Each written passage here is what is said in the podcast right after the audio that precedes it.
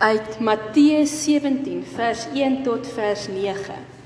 Nou dis dieselfde verhaal as wat ek nou vanmôre vir die kinders vertel het. So ek gaan hom nou weer 'n keer lees.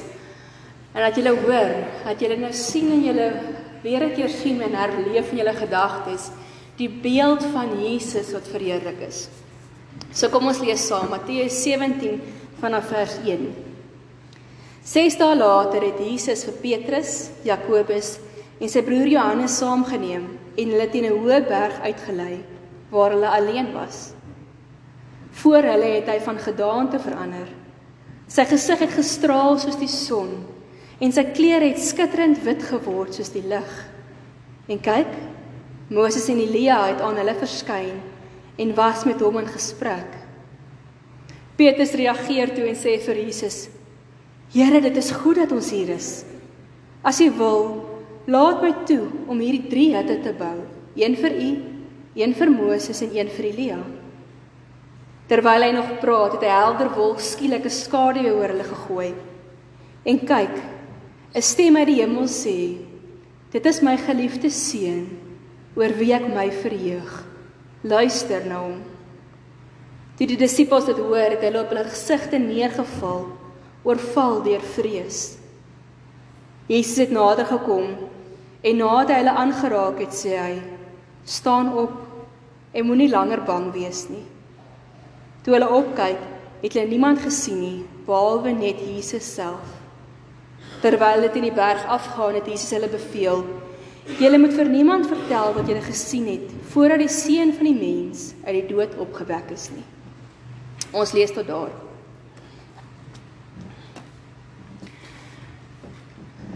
Hierdie hele week wonder ek oor hierdie verheerliking Sondag. Oor wat is die boodskap wat God vir ons wil gee omdat hy hierdie verhaal, hierdie gebeurtenis vir die disippels laat afspeel het. Waarom moes hulle dit gesien het sodat hulle kon gaan vertel na Jesus gesterf het en opgestaan het wat daar gebeur het.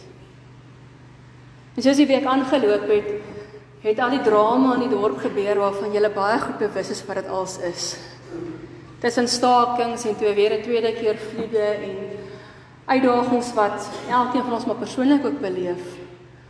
Begin ek wonder maar hoe bring 'n mens hoop in tye soos die? Ons kan maklik vir mekaar sê, weet jy wat, dit sal alraait wees en alles sal uitwerk en hou net hoop. Maar as dit so rof gaan so die laaste tyd gaan dan raak dit moeilik. Ek dink dit voel partykeer vir 'n mens asof die woorde nie veel krag het nie. Asof ons wonder maar hoe kan ek waarlik vir iemand ondersteun wie se besigheid oorstroom het? Hoe kan ek waarlik vir iemand ondersteun wat weer 'n keer besigheid verloor as gevolg van 'n dorp wat deur protes toegemaak word? Hoe kan ek mense ondersteun wat in vrees lewe omdat in onsekerheid lewe? Want ons weet nie of dit gaan beter raak nie. En hierdie verhaal het toe vir my begin sin maak. Want dit is 'n verhaal waarin God vir ons wil kom vertel dat dit wat hy gedoen het nie goedkoop leë woorde is nie. Dis iets wat ongelooflike mag en krag het, 'n boodskap wat ons vandag, juis in 'n tyd soos vandag moet hoor. Nou Jesus se verheerliking wat ons gelees het, speel af nader aan die einde van Jesus se tyd op aarde. Hy het soos ons gesien het in die storie op die kinders op aarde beweeg en ons ken die verhale van al die genesings en die wonderwerke en die groot dinge wat Jesus gedoen het. En die mense het Jesus gevolg want hy was amazing. Hy was net wonderbaarlik groot en hy het hierdie dinge gedoen wat mense nie verstaan het nie. Hy het dinge gedoen om mense te help wat in nood was, in seer was. Hy het vir honger mense kos gegee, mense gesond gemaak. En ek dink as ek in daardie tyd geleef het, sou ek Jesus ook gevolg het en gedink het, "Joh, solank ek agter hierdie man kan aanloop, sal my lewe smooth sailing wees. Daar sal nie foute wees nie, daar sal nie moeilikheid wees nie. Want as Jesus wil, dan maak hy alles wat verkeerd is reg." Hy moes 'n wonderlike tyd gewees het om in te leef. Hy dis op hierdie hoogtepunt wat Petrus en Johannes en Jakobus saam met Jesus hier opgaan berg toe. Net hulle drie, die binnekring. En hulle gaan waarskynlik op berg toe om saam te gaan bid, want Jesus het dikwels julle verhale in die evangelies onthou opgegaan om gaan afsonder om stil te raak by die Here. En op daardie oomblik kom wys God vir hulle dat Jesus selfs nog meer is as hierdie wonderwerker, hierdie man wat hierdie amazing en wonderlike goed doen. Want voor hulle oë lees ons dat Jesus se gedaante, hoe hy gelyk het, heeltemal verander het. Hulle weet eintlik nie hoe om dit te beskryf nie, behalwe om te sê sy gesig het wit geword, helder lig en sy klere het gestraal. Dis is baie van die liedjies wat ons vanmôre gesing het oor hierdie heerlikheid van God. Ons lees hier dieselfde beelde in Openbaring en in Jesaja van as jy God raak sien, dan is dit lig. Dit skitter, dis is oorweldigend helder. Die woord wat die Bybel gebruik hier soos om te sê Jesus het 'n metamorfose ondergaan. Nou metamorfose weet julle mos is die proses wat ons ook gebruik om te sê 'n skoenlapper wurmpie het 'n papie geword en 'n skoenlapper. Die wurm het in totaal anders verander. 'n Skoenlapper. So hierdie beeld van Jesus wat hierdie disippels gesien het, was iets heeltemal anders as wat hulle geken het. Iets heeltemal anders as hierdie mens wat hulle gevolg het. En hulle was so oorweldig en Petrus, tipies Petrus, kom en hy sê: "Jesus, dit is goed dat ons hier is. Kom, As ek mag, kom ek bou vir julle drie hitte dat julle altyd hier kan bly. En ek lag so elke keer by myself as ek hierdie woorde van Petrus raak lees. Want ek dink Petrus vertel, verklap eintlik iets van ons menslikheid. Hy verklap iets ook van ons geestelikheid en ons verhouding met die Here. Want Petrus wil hierdie oomblik kom vasvang hierdie wonderbaarlike oomblik wat hy besef hier is iets groots besig om te gebeur. Iets wat hy dalk nie verstaan nie, maar hier is iets amazing aan die gebeur. En hy wil hierdie oomblik vries. Hy wil hierdie oomblik pause en sê, "Kan ons dit vashou? Kan dit net so bly?" En ek dink so werk dit baie met ons as gelowiges ook. En dis hoekom ons nou in 'n tyd soos hierdie in effens van 'n krisis is. Wat ons wil is vir ons makliker om God te dien in hierdie oomblikke wat hierdie wonderbaarlike amazing goed gebeur. Hierdie oomblikke wat ons by die geestelike hoogtepunt in ons lewe is, wat alles uitwerk, waar dit goed gaan, wat ons besighede goed doen, dit goed gaan in ons persoonlike lewens en die wêreld om ons goed is. Dan dien ons die Here maklik. Ons wil daar bly, ons wil in hierdie goeie spasie bly. Ons kry dit nogal baie dat mense selfs van die een ons noem dit een geestelike haai na die volgende beweeg, net soos 'n verslawing. Van die een kamp na die volgende, van die een motiveringsspreker na die volgende, omdat hulle hierdie hoogtepunt wil behou. Net soos Petrus. Want dit is vir ons makliker dit maak vir ons meer sin om die Here te dien wanneer hy vir ons wys wat hy alles kan doen en hoe groot hy is en dit met ons goed gaan. Maar God wou vir Petrus nie daar gelos het nie. Dit is een van die verhale in die Bybel hier wat God vir ons duidelik kom wys wie Jesus is. En vandag ook vir ons wil wys. Want God wil nie hê ons moet vir Jesus en hom net aanbid in die tye wat dit goed gaan nie. Want ek dink ons weet genoeg van die lewe om te weet daardie tye is maar min partykeer. Die meeste van die kere suffer ons Die meeste van die kere is die lewe moeilik en swaar. En daarom kom God. En terwyl Petrus nog hierso probeer en sê, Here, kom ons vries hierdie oomblik. Kom ons, kom ons hou dit hierso want dit is goed. Kom God in 'n helder wolk en hy kom praat met hulle. Nou ek hoop hierdie verhaal het vir julle so half bekend begin klink toe ek dit gelees het. Want wanneer God in die Ou Testament ook aan die volk Israel verskyn het, was dit dikwels ook in 'n wolk. 'n Helder wolk vol blitse en weerlig en 'n donderstorm en stemme. So dat dit by Sinaï gebeur en mense bang was. Hy gesê die Here mag nie met ons praat, hy moet net met Moses praat. Die wolk het ook afgekom en hulle gelei deur die woestyn, die wolk en die vuurkolom as jy die storie onthou. En elke keer wanneer die hoofpriester by Tabernakel ingegaan het in die woestyn, het die wolk afgekom en die ingang van die tabernakel bedek. Hierdie hele verhaal wat hier afspeel, is of hierdie disippels wat die Ou Testament geken het en die verhale geken het, te herinner en te help om te sien, maar as God self wat hier by hulle is. As God self wat kom praat en iets amazing, iets wonderbaarlik kom doen. Meer as wat hulle gedink het.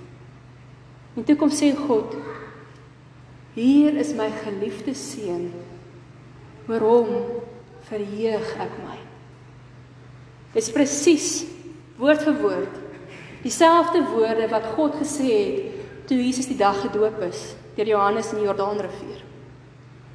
Want daardie oomblik toe Jesus gedoop is, toe sê hy vir God: Ek begin nou in gehoorsaamheid hierdie pad loop wat ek weet na my dood gaan lei.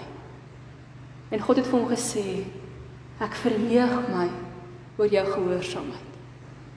Nou kom bevestig die Vader dit weer 'n keer hier en hy sê: Jesus het gekom vir meer as net wonderwerke op aarde. Ons moet so baie vashou net aan aan hoe God ons moet help. En as hulle in hierdie boksie en ons spreek woordelike hytjie in inbou en sê Here bly net by ons so kan goed gaan. Maar die wonder van hierdie verhaal is dat God vir ons kom duidelik maak en sê Jesus is meer as hierdie boksie waarin ons moet sit. Hy wil vir ons meer doen. Want hierdie verhaal van Jesus se verheerliking speel af te midde van Jesus se pad na die kruis. Nie op 'n goeie plek nie. Eintlik op 'n bittere slegte plek. Net so voor hierdie verhaal wat ons gelees het in Matteus 17 nou. Kondig Jesus vir die heel eerste keer vertel hy vir sy disippels, hy gaan moet sterf. Sy doel op aarde is nie om net wonderwerke te doen nie. Sy doel is eintlik om te sterf sodat die wêreld gered kan word. En disippels het dit nie heeltemal verstaan nie. Ek dink ons sou ook nie. Want 'n mens raak blind. Mens mens verstaan nie as alles dan nou so goed gaan, dink jy mos hy kan nooit iets slegs gebeur nie. Alles is dan nou so mooi en reg. Disippels was met dieselfde. En toe sê Jesus selfs vir hulle nog meer, hy sê vir hulle: "Nie net gaan ek sterf nie, maar ook julle gaan swaar kry. En julle gaan moet leer om julle kruis op te tel en my te volg. Gelowiges, kinders van die Here, se lewe is nie net smooth sailing nie. Ons kan nie net op hierdie geestelike haai, hierdie hoogtepunte lewe nie. Jesus kom maak dit duidelik. Ons lewe gaan gekenmerk wees deur swaar kry, deur lyding, deur tye wat dinge skeefloop. Maar as iets wat hy vir ons wil sê in sulke tye. Iets in hierdie verheerliking wat toe gebeur. En net hierna, die volgende verhaal, sê Jesus vir die tweede keer vir sy disippels, ek gaan sterf. So te midde van swaar kry, wil God vir ons iets kom sê. Waar ons op hierdie stadium in ons dorp is met al ons uitdagings met al die rampe wat ons tref, wat ons in hierdie wêreld is met al hierdie rampe wat om ons in die gebeur is, aardbewings, vloede wêreldwyd, hongersnood, ekonomiese krisisse, persoonlike emosionele krisisse, wil God vir ons iets kom sê. Te midde van lyding word hy die meeste verheerlik. Ons as mense se koppe werk en ons dink Wanneer God wys hy's groot, wanneer daar wonderwerke is en dinge regloop, dan dink ons kry God die meeste eer. Dan dink ons sal almal hom loof en prys. Maar eintlik ons sê die Here vir ons, dis nie dan nie. Dis nie die wonderwerke wat Jesus maak wie hy is nie. Dis die feit dat hy gekies het om in swaar kry gehoorsaam te wees wat maak dat hy verheerlik word. God kom lig Jesus hier op in 'n tyd wat hy dalk self moedeloos was.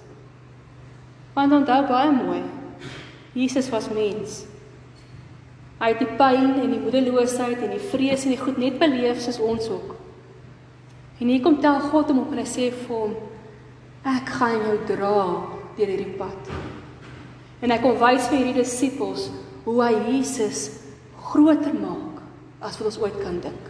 Meer as wat ons ooit kan dink. God is juis die meeste teenwoordig eintlik wanneer dit met ons moeilik gaan. Ons dink ons sien die Here dan nie. Want ons dink dit moet altyd goed gaan. En tye soos dit dan hoor ek die woorde en ek vra dit self. Maar hoekom gebeur dit? Wat gaan aan? Twee vloede in kwessie van 2 weke. Waarom? Protesoptogte in 'n maand waarin ons vir 4 dae toe is. Intussen gebeur alles anders. Waarom gebeur hierdie goed? Waarom is daar swaar kry? Waar is die Here dan wanneer dit so sleg gaan? En dan die wonder, die ongelooflike ding wat Jesus hier doen. Hy kom. En na die disippels het vrees uit neergeval het op hulle gesigte en hulle nie geweet wat om te doen nie. Kom Jesus.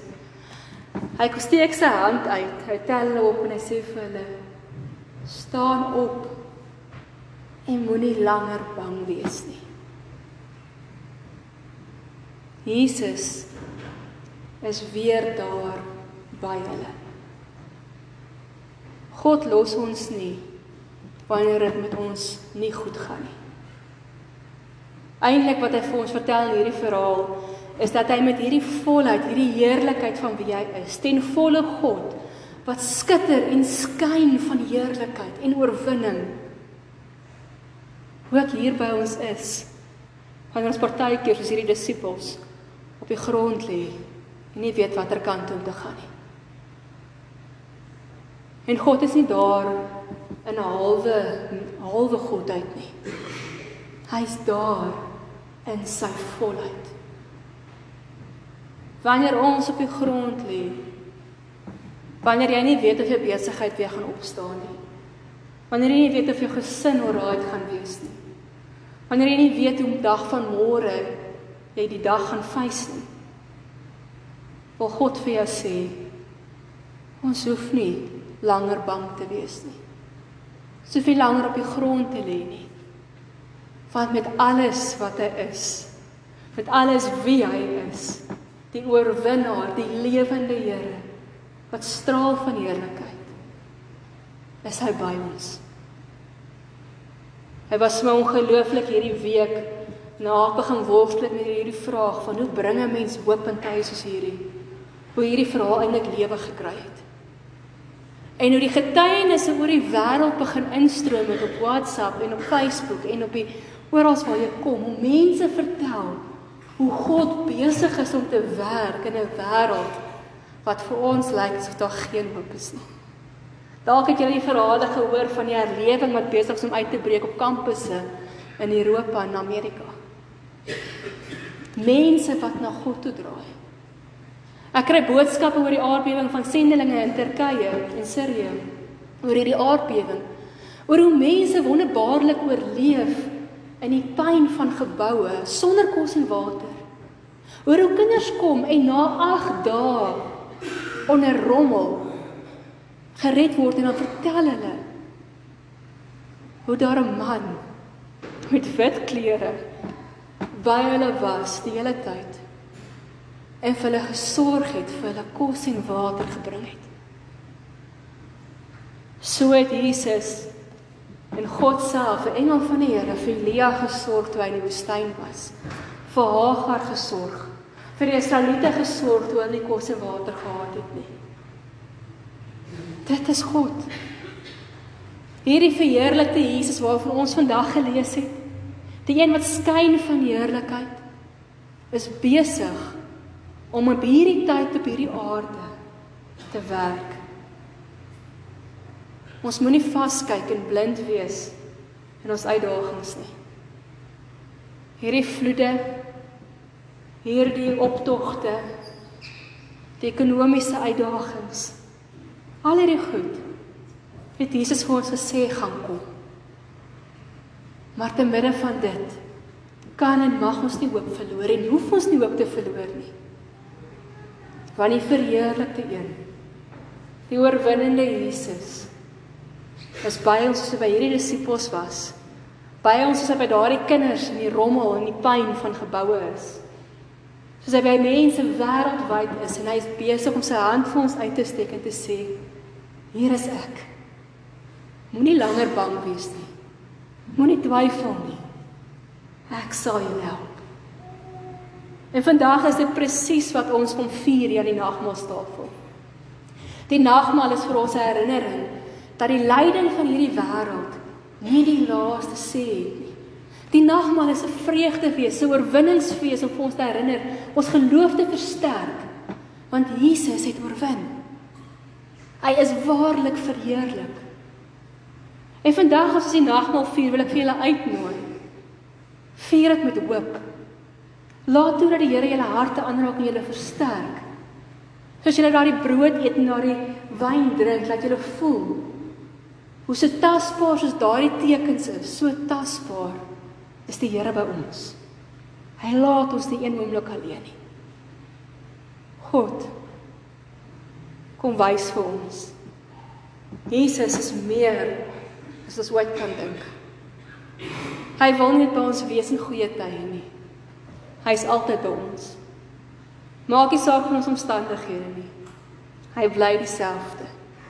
Verheerlik en oorwinnaar. So ek wil vir julle vandag 'n oomblik gee wat julle net kan stil raak in gebed.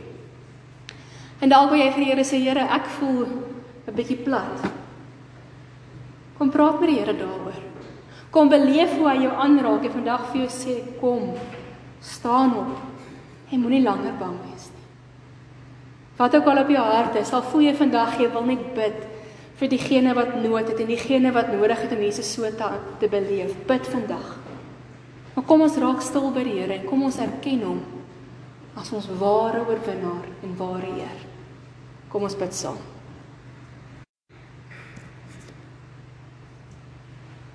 O Here.